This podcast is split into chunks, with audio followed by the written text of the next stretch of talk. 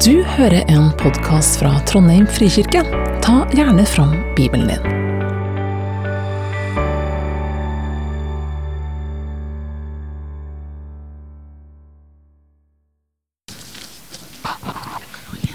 Ja, det er fint, det. Det står skrevet i første Peters brev, i det femte kapittelet. Kast all deres bekymring på ham, for han har omsorg for dere. Vær edru og våk. Deres motstander djevelen går omkring som en brølende løve for å finne noen å sluke. Stå ham imot, faste i troen. Dere vet jo at deres søsken rundt om i verden må gjennomgå de samme lidelsene. En kort tid må dere nok lide, men av nådes Gud, som ved Kristus har kalt dere til sin evige herlighet, han skal utruste dere, gi dere kraft og styrke og stille dere på fast grunn. Makten er hans i all evighet. Amen. Så står det hos evangelisten Johannes i det 15. kapittelet. Dette er mitt bud til dere. Elsk hverandre. Om verden hater dere, skal dere vite at den har hatet meg først. Hadde dere vært av verden, hadde verden elsket sitt eget. Men dere er ikke av verden. Jeg har jo utvalgt dere fra verden, og derfor hater verden dere. Husk hva jeg sa til dere. En tjener er ikke større enn sin herre. Har de forfulgt meg, vil de også forfølge dere. Har de holdt fast på mitt ord, vil de også holde fast på deres. Alt dette vil de gjøre mot dere for mitt navns skyld, for de kjenner ikke Han som har sendt meg.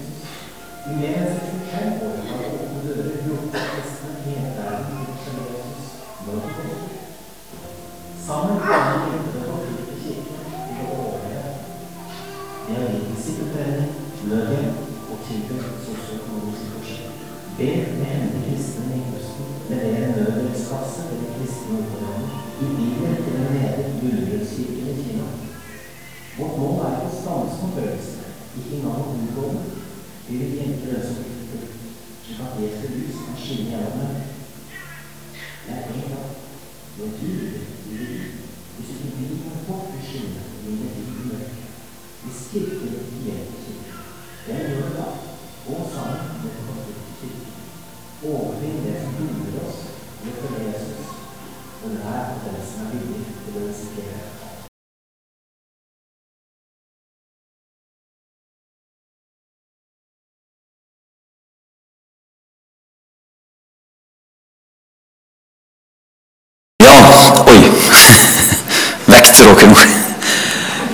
tusen takk for at det Åpne dører får komme til Trondheim frikirke. Ikke for at jeg eller annen taler kommer, men for at dere sine søsken Tenk litt sånn i dag. Det er ikke en eller annen som er, ja, ok, jeg håper det er bra der framme i dag. Men tenk deg at det, det er våre forfulgte kristne søsken som kommer på besøk til deres menighet. Inn i ditt liv. Det ønsker vi å formidle. Eh, Jeg heter Helge Åkernes, jobber i Åpne dører mest med Trøndelag, Nord-Norge. Eh, Og for at vi stadig har lyst til å utvide området vårt. Ikke i den forstand at vi vil liksom legge Norge under oss, men vi vil tilby alle menigheter, forsamlinger og sammenslutninger i AS Norge et besøk fra Åpne dører hvert år. Uavhengig av hva en ellers støtter og styrer med. Som sa oppe i Nord-Norge, ja, men du skjønner, vi har allerede et sånt misjonsprosjekt fra deg. Ja, sa jeg, Gud velsigne dere, fortsett. Men la oss komme en gang i året og samle inn bønnehjertet. Så du kan være et bønnehjerte som tar med deg bladet vårt, tar med bønnekalenderen og er med la med 16 000 andre i Norge og ber den samme bønna hver dag. Om en situasjon, om et menneske, om noen som lever, en av dem, en situasjon av de 360 millioner kristne. Det er det vi gjør. Broder Andreas kjørte inn i Østens eh, ja, kommunistiske statene. Jeg vet ikke om dere ser det, da. Det er litt for stor forsamling. Det er en liten boble. Broder Andreas i blå boble-kopi. Han kjørte inn der. Han skjønte, han fikk et ord. Våkne opp og styrk den rest som er igjen, og som holder på å dø. Fra åpenbaringsboka. Og så las han videre i 3.8. Se, jeg har satt foran deg en åpnet dør, som ingen kan stenge så skjønte han at han måtte gå til de kristne, de glemte kristne bak jernteppet. Den tids kommuniststater. Han kom inn der, og han sa 'Hva trenger dere?' Vi er vant til å møte opp rundt i verden og, og ordne opp. ikke det? Så sier de til han, 'Bare det at dere kommer.' Bare det at dere husker på oss. Vi trodde vi var glemt av alle. Bare det at dere kommer hit og viser ansikt, hører historiene våre og tar med bønnetemaet tilbake.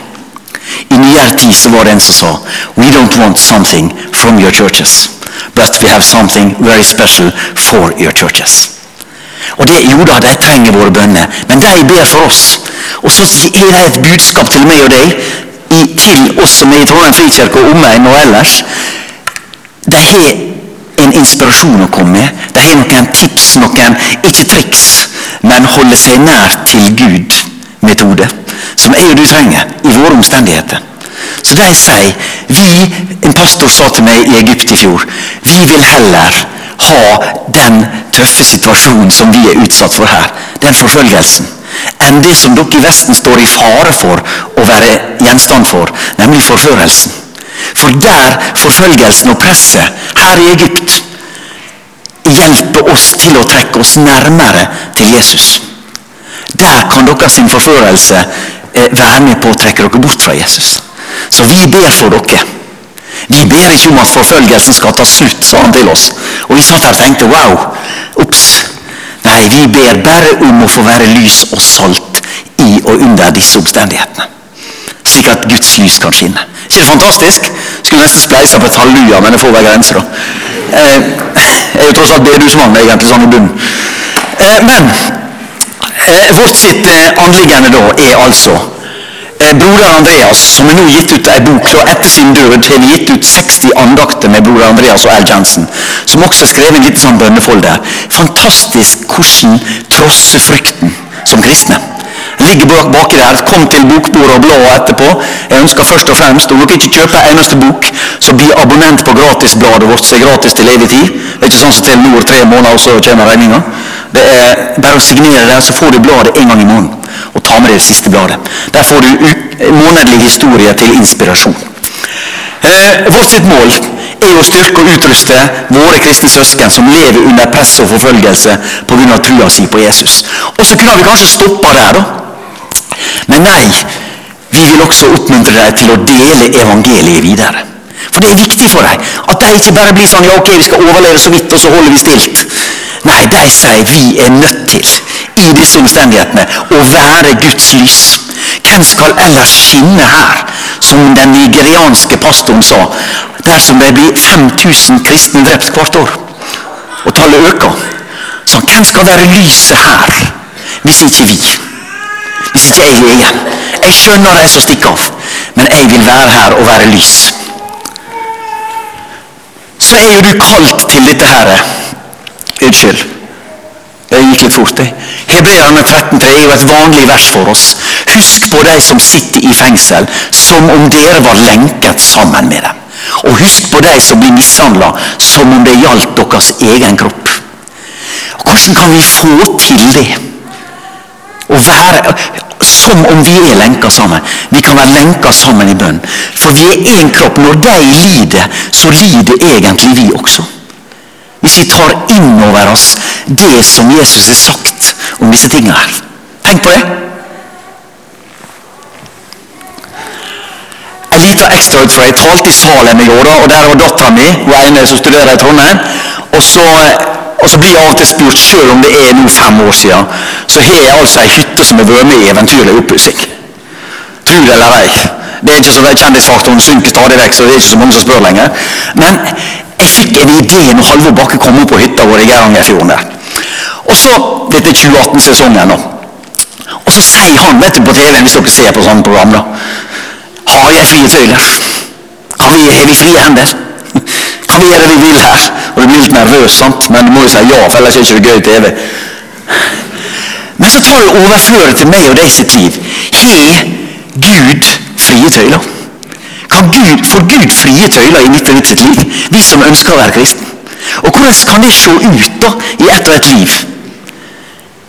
Er det frie tøyler, eller er det noen rom som vi gjerne har lyst til Her, Gud, tar jeg meg av dette tinget sjøl inni den hjertekroa der. Dette, den biten der tar jeg sjøl. For der er litt sånn ruskete akkurat nå.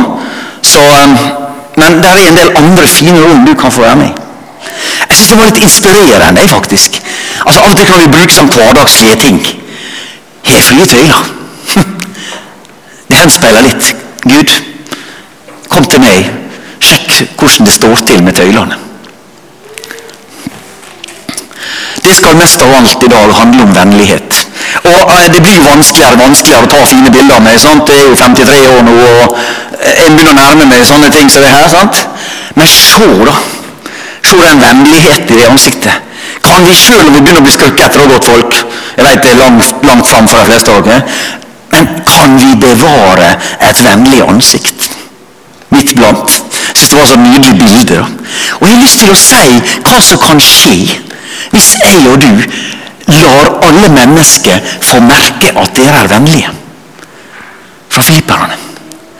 For at Jeg har møtt så mange mennesker. Jeg har reist til Østens uh, stanland. Afrika. Var inne med Bibelen nå i et land. Uh, jeg var i Egypt. Og jeg har reist litt rundt og møtt disse menneskene. Og stadig, stadig vekk så er historiene ganske like. Når de kristne ikke går til kamp, frontalangrep, når de kristne viser vennlighet, når de kristne elsker sine fiender, viser kjærlighet til folk som ikke fortjener det menneskelig sett, da skjer det noe rart. Da begynner folk å spørre hvem er deres Gud? Kan det være slik i Trondheim omegn? Kan det være slik at våre liv er slik at folk begynner å lure? Du, i Trondheim frikirke, er, er det sånn hobby? Dere, dere er sånn hobby, dere? Nei, det er ikke hobbyen vår, det er selve livet vårt. Kan det bli slik at det, jeg og du blir mennesker som blir, folk begynner å spørre hva er det med, Hvem er din Gud? Det er noe med han. Og Da kan du bli høy og mørk og tenke ja, det er noe med han som taler mer eller mindre bra og suser rundt profesjonelle kristne. Hei, og... Ja, det er noe med han fordi at det er noe med han. Det er noe med meg fordi at det er noe med han. Tenk om vi kan si det. Og så sender vi æren og dit det skal være. Jeg hadde et litt utfordrende spørsmål til eh, noen i salen i går. da. Jeg tok og turte å spørre deg eh, et lite spørsmål. Eh, liker du alle mennesker? Og Du får litt sånn forskjellige svar. da, for Her er dere veldig sofistikert. sant? Du ser litt rundt, skal se hva er det rette politiske svaret her nå. Hva er det kristne svaret? Liker du alle mennesker? Svarte deg sjøl, da. Ja, ok. Det var sånn, ja. Ja, Du, du får noen tanker, ikke det? Altså, Jeg heller gjør ikke det, altså. Men det er som om Jesus tenkte og skjønte jeg kommer ikke til å klare å like alle mennesker like godt. i hvert fall. Det er kanskje mitt jeg som er det er kanskje den andre. Dette kan være forskjellig. sant? Eh, og så er det som om han sier nei, du skal slippe å like dem. Du skal bare elske dem. Var det lettere? Ble det greiere da? Og stikke hjem og ta en sånn skjerpings på det? Eh, hva kan, skje? hva kan skje? Altså, jeg har prøvd det. Når heldigvis Gud har rykt ut, da. Og så har han liksom sagt Helge, du sliter med den personen her. Men kanskje skal du, før du rekker i det hele tatt å, å komme på noe, Har dere vært utsatt for sånn holdningskampanje noen gang? Har dere hørt sånn, her må det holdningsendring til, og sånt, det er en eller annen på TV, det er politikere. Ja, nå er det en holdningsendring her for å få ned dette her med trafikkdød eller alkohol eller samme hva det er. Og så lurer jeg på av og til, kunne vi hatt en handlingsendring? Kan dere henge med på den? Holdningsendring tar lang tid, mye arbeid. Handlingsendring. At jeg og du kan handle på noe som vi egentlig ikke har lyst til, men som kan bli veldig bra for at det Gud er med i saken. Da kan det skje noe mellom deg og et annet menneske. Det er fantastisk. Se om du en gang kan tørre det.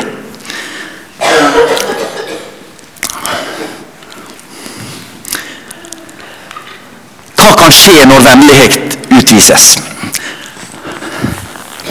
Jeg skal ikke legge meg så lenge.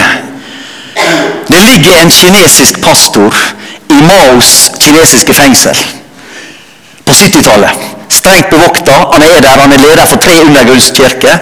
Han er fengsla, han er forslått. Han reiser opp og ser oi, et skarpt lys. Jeg må være i himmelen. Endelig er jeg i himmelen. Men så reiser han seg opp og så ser han de to fangevokterne. Så kvelden før banka han enda en gang. Og så tenkte han nei, jeg er neppe i himmelen, for de to der skal vel ikke dit. Så profesjonell kristen var han, sant? Ser han litt, han bare sukker. ok. Så ser han inn mot døra, der står en enda strammere kar med enda flere emblem og medaljer og utmerkelser. Og så spør han hei, hvem er du? Jeg er sjefen for hele dette fengselet. Og jeg kom hit i dag for å sørge for at disse to karene der som jeg banka deg, skal be deg om unnskyldning. Og du skal bli en fri mann når du klarer å stå på beina. Så blir han litt overivrig, sånn som pastorer kan bli. sant? Vet ikke om dere kjenner til her. og så spør han er du kristen, du, det var et dumt spørsmål. Var ikke det i Maos kommunistiske regime? Nei, sa han. Jeg er ikke en kristen. Men for 14 år siden så var jeg på et kurs i England for å bli en fengselssjef. Og jeg fikk reise dit, for jeg hadde noen engelske slektninger. Jeg, hadde, jeg kunne litt engelsk. Jeg fikk reise dit på en måneds opphold. Og jeg hadde hørt at engelskmenn var så vanvittig vennlige og please her og please der. Men jeg opplevde det ikke sånn. Jeg kom der og så tenkte jeg, ok, her er et kirke her. Jeg går inn dit. Det var før overvåkning og Instagram og Facebook og hei og sånt. Så han tok sjansen. Han var jo kommunist og skulle i ei kirke. Der blir han møtt av ei vennlig dame og en vennlig mann. Et ektepar. Så første de her? Det er en vilt fremmed kineser. Vil du sitte sammen med oss? Vil du bli med hjem og spise middag etterpå? Wow, skjer det her, eller?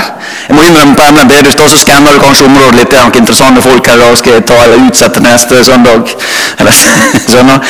Men altså, de bare går rett på en helt totalt fremmed mann og utviser en sann vennlighet, invitasjon. De tar ham med seg hjem igjen, spiser middag. Han sitter der, så han skjønner ikke alt som blir sagt. Og så neste søndag, Vil du bli med neste søndag? Kan spise middag da også. Kineserne har ikke så mye for det, så han møter opp. Den dagen gir han et engelsk Nytestamente. Men de driver ikke en stor evangeliseringsaksjon der i heimen. Tredje søndagen kommer han igjen. Etter det ser jeg han aldri mer igjen. Null kontakt. Det er ikke sånn Facebook-profil den tida på 70-tallet. Så står altså den, den fengselsbetjenten 14 år etter dette møtet med ekteparet og sier Nei, jeg er ikke en kristen. Men hvis du, pastor, er en slik kristen som de to jeg møtte i England for 14 år siden, da trenger Kina slike kristne som deg. Nå er det nesten halleluja, ikke det? En vennlighet til to til en vilt fremmed mann fra et ektepar. Ron bare gir utslag som gjør at det berger framgangen for tre undergrunnsmenigheter, flere pastorer, og han pastoren her får fortsette arbeidet sitt. Så trenger Kina slike som deg. Hvis du er en slik som de jeg møtte. Tenk på det. Så Ron Boyd McMillan, en åpen dør her som skrev masse bøker og jobba med oss, han fortalte en historie på en konferanse jeg var. Han sa jeg måtte, jeg, må, jeg sa jeg måtte reise tilbake. Han kjente pastoren. Jeg må reise tilbake til England. Jeg må finne et ektepar. De får vite hva som står på bunnlinja. De må få vite hva de har gjort. Hva de har utført her i Kina. Han til en kirke forfallen. De, de husker ikke disse folka. Ubetydelige folk. Ingen, nei, jeg skal se, det var jeg, jeg tror, du, jeg, jeg kjente ikke så godt, jeg vet ikke hvor de er nå. Du, men jeg tror jeg holdt til på en sånn, de var på en sånn bønnegreier nede i gata her, en sånn misjonshus et eller annet. Så stikker de dit og hører litt, du.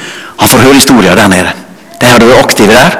De var døde for flere år siden, og han tenkte ah, det var ergerlig, jeg får ikke nå fortalt dem hva som skjedde. Så får han historier. Hun hadde drømt om å bli misjonær i Kina. Ser vi Guds store koblinger? Gud er den som kobler menneskesituasjoner, bønner, alt. Gud som den store kobleren som ikke vi alltid ser i nuet. Men med trufaste mennesker så kobler Gud hele veien. Hun hadde drømt om det. Og det var ikke så mange som skulle bli misjonærer i Kina. tenkte hun, Så her er jeg klar. Jeg. Gifta seg, men mannen hadde dårlig helse. Kunne ikke reise ut. Det var en tristesse av et liv for henne. De ba om et barn. Hadde venta lenge, fikk et barn. Barnet døde som niåring i et astmaanfall. Altså, det var et kristenliv som bare det var, det var liksom bare en tristesse. Så velger dette paret å være trufast, å være vennlige, være tjeneste i menigheten. sant? Og så får de altså et møte. Et gudfeldig møte. Der de viser enda Det var sikkert ikke den eneste de viser vennlighet til. Ron fikk aldri fortalt dette ekteparet hva de hadde fått utført. Slik ble hun misjonær i Kina. Tenk hvordan Gud jobber. Hva kan skje når jeg og du går på det som Unnskyld. To system. Når vi hører hva som er sagt. Dere er verdenslys. Det står ikke 'ta og forsøk nå framover og ta litt tak i kristelivet ditt', og så tar du og kanskje kan bli et lys for verden. Vi vet hvem som er det store verdenslyset Jesus. Men så sier, sies det her, det står 'dere er verdenslys'. Jesus sier det. Hvordan kan det se ut? Og Det, det, det er litt interessant synes jeg, at det står 'dere er verdenslys'. Det er utfordrende. Det går an å gjemme det. Det går an, sant? det står noe om hvordan du kan skjule det under ei skjeppe og slike ting. sant? Eh, og en by som ligger på et fjell, kan ikke skjules. Men hvordan kan vi være et lys? Dere skal få bli med til Egypt. Jeg traff han karen her i fjor. Altså, De skulle bygge opp igjen ei kirke. De har måttet flytte kirka si. Så bygger de ei kirke og strammer opp hele avenuen der, gata. Gjør det hyggelig. De lager lyssetting, det er infrastruktur, det er vann, kloakk. I et tøft muslimsk område. De kunne bare bygd ei kirke og mura seg inne. Men de gjør noe som er Kristi velduft ut i samfunnet. Muslimene begynner å komme. Her er det legekontor i kjelleren. Jeg kan ikke ta den lange varianten her. De åpner opp slik at muslimske kvinner og menn Muslimske kvinner kommer med døtrene sine. Helsehjelp, kristne leger åpner huset i kjelleretasjen og tilbyr helsehjelp til muslimene i området. Hva tror du de spør om? Hvorfor gjør dere det her? Vi er muslimer, dere er kristne. Hvorfor? Hvem er deres sin Gud? Vi er barn av den levende Gud, som sendte Jesus sin sønn for at vi skulle vise kjærlighet til alle hans skapte barn. Det dundra en kraftig kar inn på kontoret til pastoren her. 'Hva har du gjort med kvinna mi?' Da hadde jeg skvøtt bra. Hadde ikke dere det? Hva det heter chip dere, sier vi. Men dere hadde fått dere en skvett, hadde dere det? 'Hva har du gjort med kvinna mi?' Og var det sånn 'Ops, det er et dårlig spørsmål å få'. Hun er helt forandra. Hun har begynt å snakke vennlig til eh, tenåringsdøtrene våre. Hun ser på dem, hun snakker med dem. Hun, hun er en helt annen kone enn før. Hun, hun steller huset på en helt annen måte. For de har hatt en del utfordringer med en del ting. De begynte å gi dagligdags hjelp inn som kirke ut tilbudet. De begynner å komme til kirka. De vil høre om Jesus. Bare for at de ser utover seg sjøl. Fantastisk historie. Eh, han eh, Altså, det er en Kristi velduft som det står om. Så sier han også vi kan ikke og bør ikke kreve våre rettigheter som kristne i dette landet. her. Det vil i verste fall bare for, eh, føre til borgerkrig i dette landet. Selv i Egypt, så vi kanskje tenker Sharm el-Sheikh og badeby og hei og hå, dykking i Rødehavet, så er det tøft for de 10-12 millioner kristne der, 90 millioner muslimer. Barna i klasserommet, kanskje det er 10 av 100 barn som er barn av kristne foreldre, sitter bakerst i klasserommet. Læreren kanskje nedverdiger seg til å gå ned en tur, bare for å si til disse barna Du kan bare styre på, men eh, du skal ikke bli til noe likevel. For du er barn av kristne foreldre. Det er realiteten der. De lager en opplegg for, eh, for deg. Her står ja, Det ser ikke så godt, da. Men her er altså et legekontor. Hvis det hadde vært et sånt legekontor i Norge med et kors og et periskop skulle det er ubåter, det, stetoskop, ikke? finnes det en lege i salen? Ja. Her har med to ungdommer, og så peker jeg litt på det skiltet. Dette møter alle sammen som går inn på legekontoret. Så fikk jeg møte en pastor her lenger sør i Egypt. Og Han sa han tok nettopp disse barna inn, de kristne barna, som ikke får det de skal ha på skolen fordi de er barn av kristne foreldre. Ettermiddag etter ettermiddag så er det grupperinger. 320 stykker får være med i et program der de har vanlig undervisning for å hjelpe dem til å ikke sakke akterut i den egyptiske skolen. De kristne barna. Så er det søndagsskole og aktiviteter, og de har disippelgruppe. Hvis ikke vi gjør det her, så er kirka vår ferdig. Vi har ingen framtid. Fantastisk å møte sånne folk.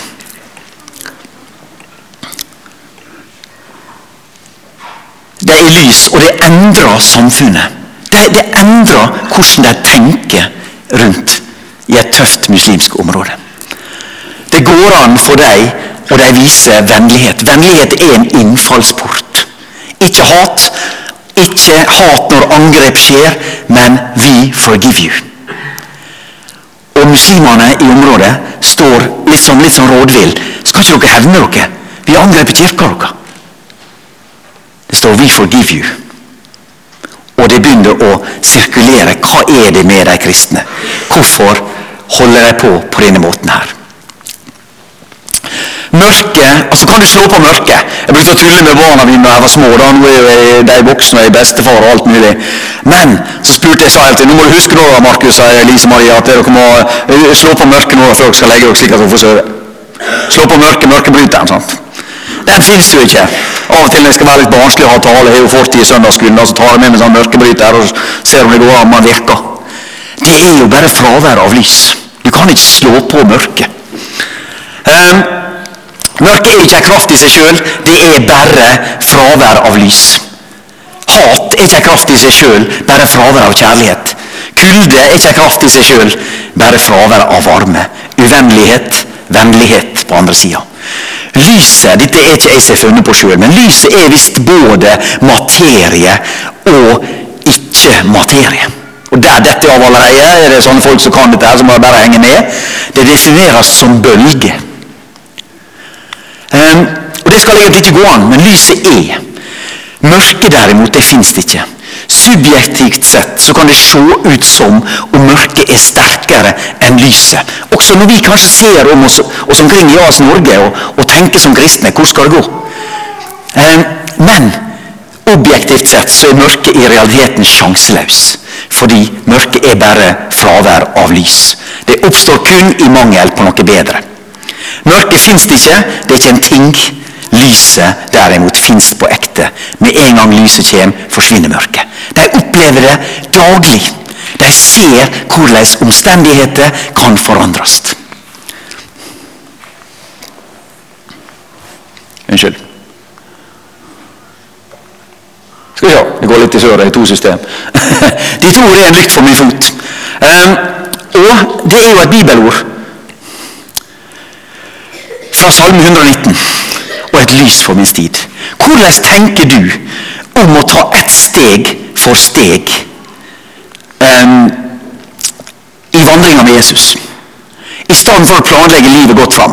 Når jeg kjørte til Trondheim i går, og ser sånne xenonlys og sånne ekstra sånne elglys sånn stygg planke framme som ikke kona vil ha, men som jeg må ha for jeg begynner å se dårligere og dårligere.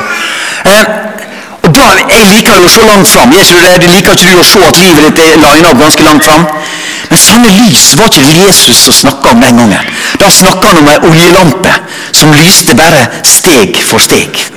Og et bra poeng der vet du hva? For å se lenger fram, for å kunne se hvor du skal, så måtte du være i bevegelse.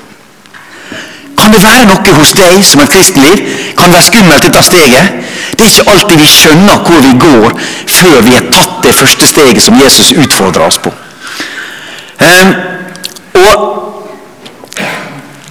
det ga altså lys. Slik ønsker Jesus at vi kan gå med Han som er lyset. Som lyser opp, viser veien når Han ser langt og vi ser kort. Og så er det slik at eh, at, at skal vi altså retninga vår er viktigere enn farta.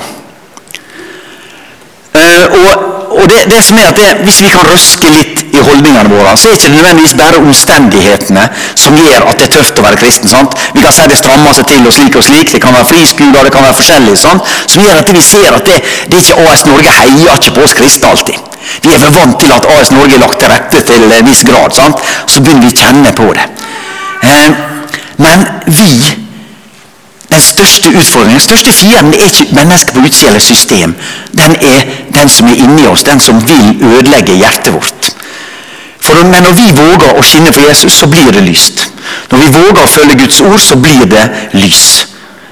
For det første Guds ord sa, det var 'bli lys'. Så ble det lys. Jeg skal hoppe over det med salt, men jeg skal bare raskt eh, si en liten ting. Altså, Saltet var jo med på altså Salt fra Dødehavet det var rikt på mineral og fosfat. I ufruktbar jord så brukte de salt for å få det til å bære frukt, og det endra jorda fra ufruktbar til fruktbar. Så hvis vi kan være lys og salt altså Det desinfiserte avføring, det var, det var ikke vannklosett engang, det var hull i bakken. sant? Um, og det hindrer sykdom. Og, og det, og det um, Unnskyld, tuller jeg litt. Der er saltet. Og så kunne ikke saltet i seg sjøl miste sin kraft. Men det kunne bli utvannet, det kunne bli utsanda, som var en lur metode hvis du skulle selge litt andre ting enn det du egentlig hadde. Eh, men det som er da, når vi tør å være lys og salt, så skal du få bli med eh, mot slutten her på en historie som handler om en som heter Trian Dorsch. Dette er Trian Dorsch, en rumensk pastor fra Ceaucescu-tida. Jeg ser her er noen som er gammel nok til å huske Securitate, eh, eh, Ceaucescu-regimet i Romania. Rett opp hånda de som er gamle nok, til å huske det. Ja. eh, og Det var et kommunistisk tøft regime der de kristne ble torturert, ble fengsla. Triandors var leder for en stor vekkelsesbevegelse. Det var liv rundt han. Mange ble kristne. Og han fikk stadig besøk av en politibetjent som hver vike, nesten, nesten hver vike kom og banka han. Mens politigjengen sto bak. Han kom inn, banka på døra og banka opp Trian Dorsch. Så sier Trian Dorsch til denne mannen, for han hadde lært seg dette her. Den eneste måten for å bekjempe sine fiender er å elske dem til å bli hans venner. Oi, nå går jeg nesten et steg for mye. Så sier han, og bare se Politibetjent, jeg elsker deg. Og jeg vil at du skal vite at hvis vårt neste møte blir foran Guds trone, så vil, ikke, vil ikke du gå fortapt fordi jeg hater deg, men fordi du forkaster kjærligheten. Pål eh, Negrut, som var en baptistpastor i området der, han ble rasende. Han sa til Trian Dors når han kom til han var forslått og blodig dette går ikke lenger, vi må melde det. Det går ikke an at de skal behandle deg slik. Så sier Trian Dors, Pål, vent litt, vent litt. Du er hissig og vil ha full handling nå. Men kan vi sette oss ned og be litt i lag? Kan vi be litt for han politibetjenten? Nesten provoserende, ikke det? Han gikk med på det. Det som skjer, da Politibetjenten kommer tilbake en dag, men da er han alene. Dors. Trian Dors stusser litt, gjengen hans står ikke bak. Herr neste gang vi møtes, vil være foran Guds dommertrone. Jeg er kommet for å be om tilgivelse. Og fortelle at din kjærlighet, din vennlighet, rørte sånn ved hjertet mitt. Jeg har bedt Kristus om å frelse meg. Og Det er en sann historie, det er ikke eventyr. Men for to dager siden fortsetter denne politibetjenten. Så oppdager legen at jeg har langt fremskreden kreft, og at det bare er en uke igjen å leve før jeg reiser hjem til Gud. Jeg kom i kveld for å fortelle deg at vi vil være sammen på den andre sida. ikke det fantastisk? Sånn kunne skje når du ikke ville egentlig gjøre det du menneskelig sett hadde lyst til, men når du hadde Guds blikk, Guds øye, Guds hjerte. Vi kan være med å bære lyset og gi det videre. Um, vi, be, vi dette her er Aisha, ei som det står om i novemberbladet vårt. og kan få det der bake. Eh, temaet vårt i år er 'utestengt for sin tro'. Vi vil gå sammen, stå sammen for de som er utestengt fra familien, fra arbeidsplass, fra utdanning. Men de er innlemma i en annen ny familie, Guds familie. Vår sin familie. De kan du være med og gå for, eh, eller stå for. I, i, i Trøndelag er det en fin ordning. De har Fakkelborg. Jeg skal bli med dit og ha en appell og ha en tale på et samling der etterpå. Eh, lørdag om to uker. Velkommen hvis du har anledning. Vi står i Nordre gate, julegata der, med plakater. Folk kan oppsøke og se litt. Veldig fint. Og veldig flott at det kan bli mange. Skal vi se. Dere skal få en sterk sang til slutt, før utfordringa kommer. In India.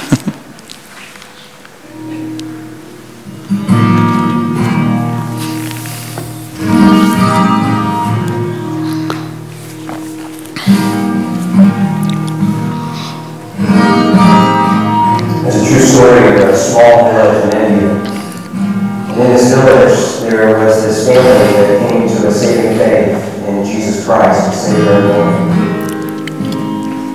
This agitated the village so much, and everybody became so upset that an angry mob gathered and shoved them into the public square. The village chief confronted them, and he said to the man, If you and your family will not recant your faith, you all will surely die. The man didn't know what to say or what to do. And so the only thing that came to mind for him were the words the that he himself had composed when he first surrendered his life to God. So he began to I have decided to follow Jesus. No turning back. No turning back. With that horrific his children were killed. I have decided to follow Jesus. I have decided follow Jesus. I have decided to follow Jesus. No turning back. No turning back.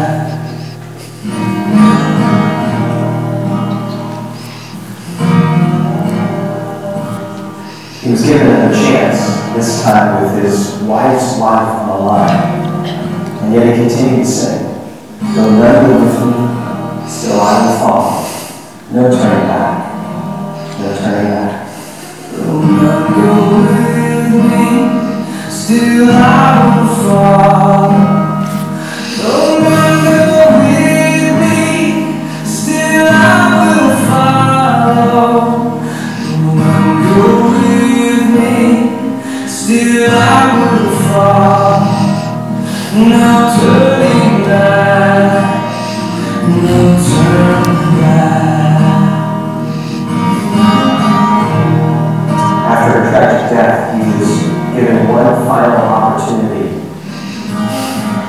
necessary.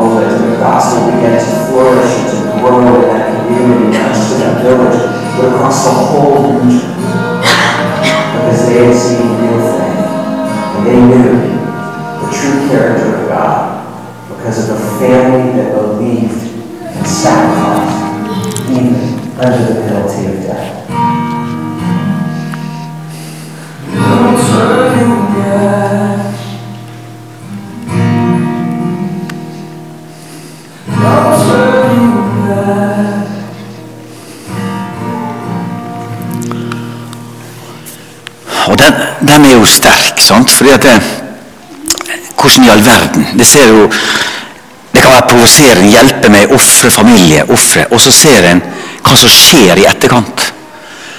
Og så, Det er spesielt én linje jeg ser her, fordi de hadde sett ekte tru.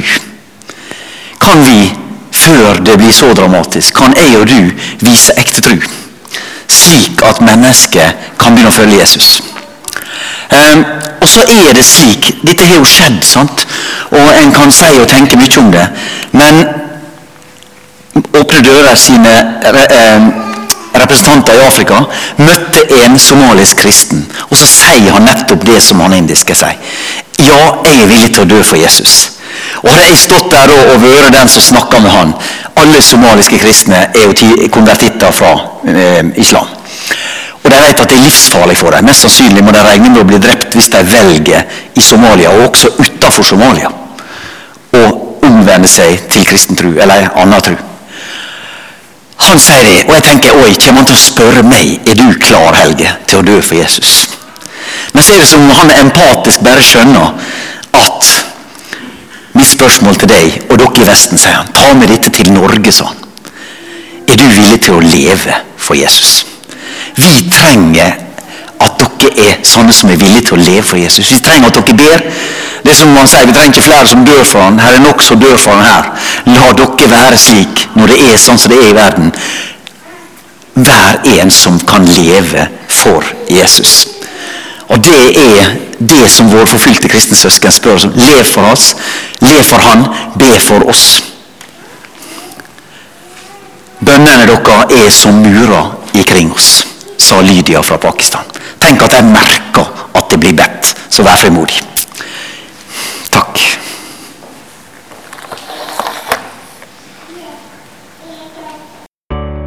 Takk for at du hørte på. Velkommen til gudstjeneste søndager klokka 11. Mer informasjon finner du på trondheim.frikirke.no.